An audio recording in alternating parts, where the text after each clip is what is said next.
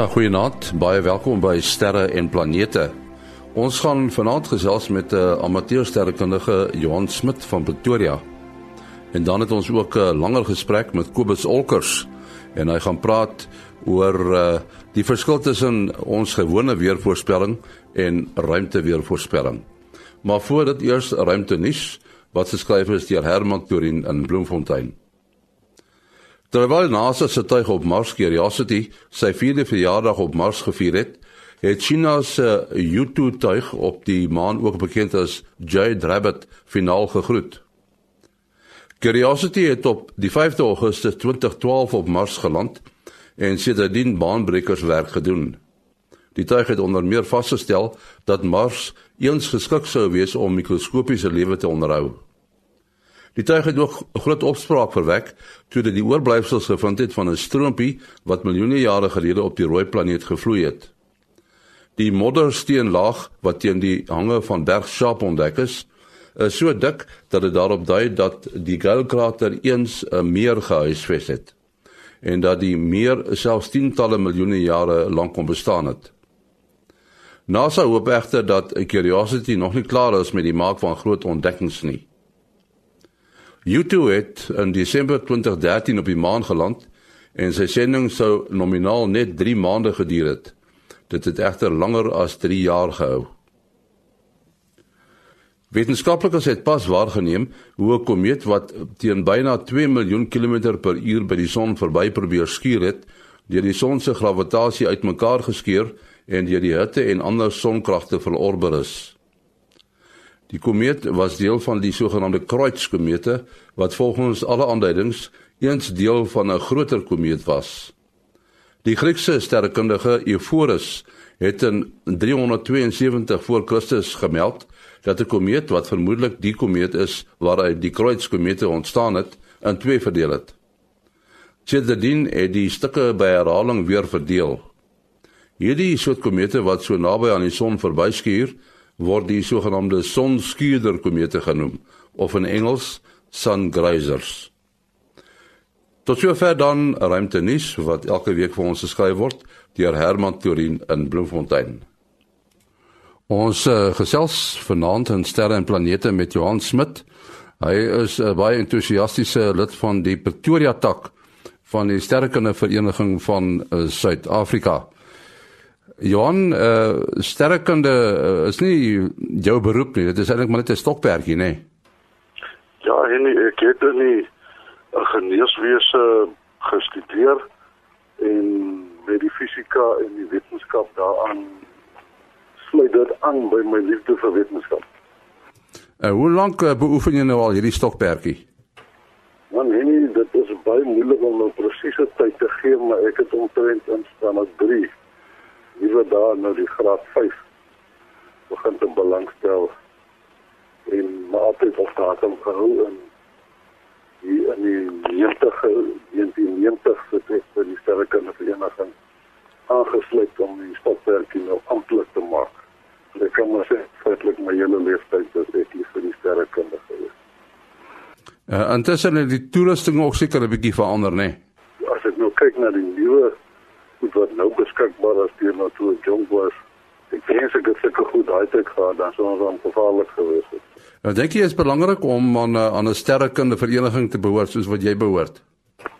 Nee, ek sou aanbeveel dat enigiemand as hulle naby of toegang tot um, die sterrekunde vereniging om daar aan te sluit want jy ontmoet ander mense met dieselfde belangstellings en daar is soveel onderafdelings en daar gaan jy mense ontmoet wat die onderafdelings byvoorbeeld astrofotografie of mense wat veranderlike sterre dophou. Al sulke goed weet wat jy as 'n iemand alleen hier so by jou huis of nie verhoor nie of nie behoorlik kan beoefen nie of nie eens kan bespreek met iemand wat dieselfde belangstelling het nie. So dit ons is so 'n ondersteunings ondersteuningsgroep vir mense met dieselfde belangstelling. Ja, dit was as een van die besware as 'n mens met uh, mense praat oor uh, belangstelling aan sterrekunde, is dat uh, jy weet jy moet 'n dierteleskoop koop. Is dit belangrik? Nee, en nie glad nie, glad nie, glad nie. Um, as jy 'n teleskoop het al wat dit jou maak is iemand wat 'n baie fancy stuk toerusting het. Jou liefde vir sterrekunde is wat van jou sterrekunde gemaak. En jy by 'n vereniging te behoort, die mense te ken. Ons deel graag ons toerusting. Daar's ander mense wat teleskope het. Ons het gereeld kyk aan ons reël na weg weg na donker plekke toe. En daar kan jy deur enige teleskoop kyk wat jou hart begeer. En as jy eendag voel jy moet nou 'n teleskoop hê, dan het jy die ondervinding om die regte besluit te maak. Jy weet wat om te verwag van 'n teleskoop. Weet of jy so 'n tipe teleskoop kan bedryf. Um, of jy gaan dus weer om die daai spesifieke model rond te dra. Maar 'n teleskoop is nie of enige toerusting is nie belangrik nie. Toerusting wat die meeste mense reeds het, verkyker is 'n baie baie baie goeie begin. Ja, jy sê 'n interessante ding, mense onderskat verkykers, nee. O, yes, like jy, jy, jy moet glo nie. Jy sien dit in veral in die stad. As jy nou opkyk blote oog, dan sien jy maar paar sterre in die lug. Die verkyker vang baie meer lig op as jou blote oog en dan kan jy die dobbelsterre sien wat jy nie met jou blote oog kan sien nie. En jy kry 'n groter veld sodat jy kan nou begin want as jy nou kyk na 'n sterkaart wat ook nie 'n ding is wat jy hoef te koop nie, jy kan dit aflaai van die internet af. Ehm um, 'n uitdruk verniet. Dan kan jy die konstellasies want die mense sê nou kyk hulle op nou hoe dan hel het die mense nou daai vorm in die lug gesien as jy die dobbelsterretjies kan sien in die konstellasie dan soms begin die prentjie daar nou vir jou sin maak. So dit is 'n baie goeie stuk gereedskap om die lig te leer ken. Jy kyk op jou sterkaart, waar is hierdie konstellasie? Dan kyk jy in die lig op, kan jy die sterre se vorms begin te uitken. Binne in die konstellasie is daar diep ruim voorwerpe waarvoor die mense nou dink jy moet 'n teleskoop gebruik. Nou, baie van hulle kan jy uitken met die verkyker. Dit is baie keer net 'n dubbel kolletjie, maar die feit is jy kan hom sien en jy kan hom uitken. Dit maak later as jy nou eendag 'n teleskoop wil hê, baie makliker om die ding self te kry. Nou is daar verskillende soorte teleskope en dan dink jy mees algemene soort teleskoop is eintlik maar die uh die reflektor, nee, die Newtonian. En uh, die groot vraag is natuurlik en dit is 'n vraag wat ek dikwels kry. Hoe groot moet die spieël wees? Uh, moet 'n mens versigtig wees vir 'n klein spieël? Nee nee, ek sê jy moet versigtig wees vir 'n klein spieël nie, maar jy gaan gou-gou uitgroei uit hom want jy wil graag die soos jy nou begin te leer, wil jy graag al dowwer en dowwer en dowwer sien. So my aanbeveling is gewoonlik in die omgewing 6 duim ehm um, hoofspieël of 'n 8 duim hoofspieël. Veral met die 8 duim met jy 'n teleskoop wat jou lank gaan hou. Selfs met die 6 duim moet hom nooit onderskat nie. Jy hy kan vir jou soveel goed wys wat jy in 'n lewe nooit sou kan sien. En uh, dan kry jy nou die self-aangedrewe teleskope en die wat jy met die hand werk. Self-aangedrewe teleskope ek self is nie verskriklik lief vir hulle nie ek hou ek geniet my afgedrewe want hy dwing my om die lig te leer ken. Baie mense koop hierdie self aangedrewe teleskope want hulle dink die ding is nou TV wat nou vir hulle die ligruim gaan lei. Jy moet 'n bietjie ondervinding hê om hom effektief te kan gebruik. En anders as ek kyk net na 'n lys nommers en die ding maak geen betekenis vir jou nie. As jy nou die ervaring het met die lig nie, toe maak die mense foute met die ding se opstel. Hulle gebruik die ding nie reg nie. En hou sy onseker. Dit is 'n teleskoopstuk en op die ou en dis nou lelik om te sê maar dit is waar ons mense wat nou bietjie meer ondervinding het by op 'n stadium goeie basis koop. By mense wat boek raak vir die teleskoop wat hulle soveel mee sê. Johan, uh, die die sterrekunde vereniging het 'n webwerf wat mense na kan gaan kyk, né? Nee? Ja, ehm um, daar is 'n na nasionale webwerf, maar elke tak, elke groot stad het 'n tak. Mense wat byvoorbeeld in Pretoria bly en by ons tak se webblad wil inkom, Jy gaan net na um, jou soek engine Google en jy tik in Pretoria en astronomy en ons webblad is die eerste een wat gaan opkom. Dis www.pretoria-astronomy.co.za. Onder ons skakels blaadjie gaan jy skakels kry na ander takke van ASA ook. Nou ons sê baie dankie aan Johan Smit. Dit gehoor, hy is 'n entoesiastiese sterrekyker, lid van die Pretoria tak van die Sterrekunde Vereniging. Dit is die amateur sterrekunde vereniging van Suid-Afrika. Ons uh, gesels nou weer met Kobus Olkers daar in uh, in Florida in Amerika en uh, Kobus uh, die hou vir ons die uh, die ruimte weer dop. Uh, ek dink Kobus as 'n mens met mense praat oor weervoorspelling, wat is die verskil tussen 'n gewone weervoorspelling en noem dit nou maar 'n ruimte weervoorspelling? Jong, in essensie is dit baie dieselfde ding ons weer op die aarde kan ons baie maklik met die oog raak sien en ons kan dit voel as ons nat gereën het soos wat ek gistermiddag toe ek hier uit is om vir my bottel melk te gaan koop. Toe het die weervoorspelling plaaslik gesê maar daar's geen kans vir reën vir ten minste die volgende uur of 2 nie. En die oomblik toe ek by die winkel uitstap toe reën dit dat die bissies bewe. Nou ons ons weer hier op aarde kan ons baie goed sien. Maar wat ons uh, moet ook moet besef is dat in die ruimte is daar ook ook weer. En snaaks genoeg is hulle uh afhanklik van dieselfde tipe van reëls en dieselfde wiskunde selfs wat ons gebruik uh om om die winde wat in die ruimte waai te kan meet. Die digtheid van die van die medium is net effens laer. Die meeste mense dink dis 'n vakuum met sonder enige substansie buite in die ruimte, maar daar's eintlik 'n hele klomp goed daar per kubieke meter. En ons het winde wat van die son af waai wat uh nou terwyl ons besig is met hierdie ding, waai hy teen 630 km per sekonde. Maar op die einde van die dag werk die voorspellings ons het die ekwivalente van van wolke wat plasma wolke is in die ruimte. Ons het 'n magnetosfeer wat beïnvloed word. Dit nou effens anders is as wat die as wat ons hier op op op aarde het. Want dit is maar dit is al die eh, beïnvloeding van die magnetosfeer is eintlik al klaar 'n gevolg van die ruimteweer. Dis nie die ruimteweer self nie. Maar as jy nou kyk na na die geskiedenis van ruimteweervoorspelling, hoe hoe lank doen mense dit al of is dit 'n relatiewe nuwe nuwe vakgebied? Dit is ek het rekords wat uh, goed, ek moet nou sê ruimte weervoorspelling uh, kom nie baie lank terug nie, maar ruimtewetenskap, ruimte uh, die die bestudering van die son gaan terug na die mense wat die eerste teleskope ontdek het. Ek het sondata wat teruggaan na 1583 toe en wat ons gebruik vir vir sonklimaatstudies, uh hierdie die tipe van rekords. Daar is daar was altyd mense gewees wat probeer het om te voorspel wat die son se siklus gaan doen. Wat wat ons nou deesdae weet wat wat eintlik aan die gebeur is is dat die son se pole skuif van elke 22 jaar. Ons gewone uh mense aanbetref weet ons nie daarvan nie ek dink heelwat van ons uh luisteraars wat wat bietjie wiskundig georiënteerd is sal weet wie wie Fourier was. Die Fourier van die Fourier analises wat golfvorms analiseer. Een van een van die eerste toepassings wat hy gebruik het was om die son se veranderinge as golfvorm te sien en om dit te probeer voorspel.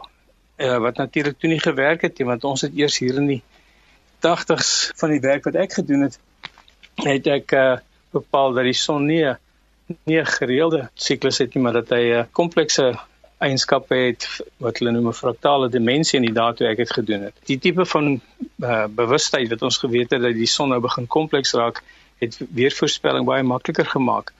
Soos dinge nou maar is altyd iets wat baie belangrik is en wat die wat die wat dinge op die op die aarde erg kan beïnvloed soos wat ons nou al agtergekom het met ons radioverbindings en die soort van dinge uh is natuurlik al in die geheim in die gang vir 'n baie baie lang tyd uh deur die, wetenskaplikes in Amerika en in Rusland. In Amerika het daar nou hierdie pas hierdie week 'n uh, publikasie verskyn in die Space Weather Journal van 'n kernoorlog wat ver, verhoed is deur 'n ruimteweervoorspelling. Nou wat daar gebeur het is die son het soos ons nou al weet het het groot koronamassa uitbarstings wat hy kan maak uit baie groot ekstraal uh, emissies wat hy kan maak en hierdie ekstra emissies kan natuurlik ons ionosfeer heeltemal opvoeder as hulle sterk genoeg is. Daar is, is ook radiostrale wat van die son afkom. En wat in ek dink dit was in 1967 en op April, ja, 23ste April as ek reg onthou want ek het net net gister nog hierdie hierdie artikel gelees. Het daar skielik 'n ding gebeur. Ehm um, die Amerikaners het 'n het 'n netwerk gehad van antiballistiese missiel waarskuwingsradars. Uh, een was in Alaska dink ek en die ander een was in Engeland. Is seker waar die ander een was nie. Waarskynlik in Kanada. En die drie het toevallig presies gelyktydig uitgegaan. Nou ja, vir 'n vir 'n mens wat besig is om te kyk na 'n bedreigingsanalise as drie van jou stasies gelyktydig oor die hele wêreld uitgaan, dan die eerste eerste gedagte wat in die ouens se koppe opkom is sabotasie. Die Sowjetunie moes op daai stadium volgens hulle nou dan besig gewees het om om om siele te stuur en wat gewoonlik in die soort van geval gebeur is, jy druk onmiddellik die knoppe om om terug te skiet. En toe gelukkig is daar in dieselfde saal waar die waar die dinge besluit word, was daar toe 'n lugmag uh offisier gewees wat op die stadium soort van onder die tafel deur besig was om te kyk na hierdie ruimteweervoorspellings en hulle kom toe agter nee maar hulle het hulle het 3 dae tevore het hulle voorspel hier gaan hier gaan emissies uitkom en hulle toe hulle sonteleskoop daar uit op die dak en hulle kyk en sien hulle nie maar om dit lyk vir hulle omtrent of die helfte van die son weggeskiet het. Dis natuurlik nou van die van die sonvlekke wat wat nou baie erg was op daardie stadium. Hulle vlieg toe terug en hulle sê toe vir die mense nee nee nee nee moenie knoppe druk nie. Hierdie is 'n ding wat die son veroorsaak het. En dit was nie so gewees. Die son het met sy emissies het hy die het hy alle radioverbindings uh, uh gebreek en hy het ook apparaat soos wat ons altyd voorwaarsku. Dis wat vir ons elke week hier hier sit en kyk sodat ons mense kan sê as iets gaan gebeur. Uh het daartoe die sensitiewe apparaat het toe gelyktydig is toe van die son afstukkend stukkend geskiet in aanhalingstekens. Ruimteweervoorspellers het die einde van die wêreld omtrent voorkom in 1967. En ek dink jy jy het al in die verlede gesê as daar nou uh uh onbehoorlike uh 'n magnetiese storm op die aarde beland en dit sou gelykstaande wees aan 'n geval was in Kanada, né? Ja, daar was in 89 as ek die datum reg onthou, was daar in die hele noordooste van van die Amerikaanse kontinent was daar 'n baie groot area van van mense wat al hulle elektrisiteit verloor het. En dit was dit was nog maar 'n redelike ligte stormpie geweest as ons gaan kyk na die Carrington gebeurtenis wat hier in die 1800s plaasgevind het, as hy en vandag daar sit hy sou sou gebeur het, ehm um, dan was ons ons elektrisiteit kwyt op op oor 'n groot deel van die aarde vir vir baie jare. Ehm um, ons het in 2012 het ons een net net gemis. Hy was net oor die oor die rand van die son dat hy af ek dink dit was in Augustus 2012 het die sonvlek net mooi of die aktiewe area het net mooi van die van die son se horison af verdwyn toe hy uitbars met met 'n uitbarsting wat wat, wat weer eens wat ons moderne tegnologie en selfs ons elektrisiteit sou vernietig het. En baie mense glo en ek het dit nou al in artikels gesien waar mense nie heeltemal die die fisika verstaan nie. Uh sê dat jy net aan die aan die sonkant van die aarde jy beïnvloed sal word. Ehm uh, maar as jy hierdie soort van vreeslike intense uh son gebeurtenisse kry en jy ruimteweer gebeurtenisse dan beïnvloed hy ook die wat hulle sê die magnetoster die magnetotail in Engels van die aarde se magnetosfeer. En hy rek die ding uit vir 12 13 14 aarde diameters en dan rek hy hom uit soos 'n rekkie. En dan skielik kry jy uh, 'n uh, gebeurtenis waar hy terugspring soos soos 'n gebreekte rek en hy het dan aan die aan die nagkant van die aarde het hy ook verskriklik sterk uh magnetiese gebeurtenisse wat wat wat uh plaasvind. Nee, as die son as die son die dag vir ons 'n uh, 'n groot stormpie gee, is daar bitter min wat ons daaromtrent kan doen en ons ons en wanneer dit gebeur moet ons ons maar regmaak vir die vir 'n hele paar jare van steentydperk. Kobus, jou besonderhede. Dis Kobus Olkers by gmail.com, K O B U S O L C K E R S by gmail.com. En ek sien die luisteraars het, het nou 'n bietjie nagelaat in die afgelope tyd om vir my hulle landlynnommers te stuur. Ek bel hulle graag van hier af. Maar ek kan nie na 'n selfoon toe bel nie. So as hulle my landlynnommer stuur, dan kan ek met my plan wat ek hier het, uh soveel bel as ek wil. Ja, ons sê baie dankie aan uh, Kobus Olkers daar in Florida, Amerika.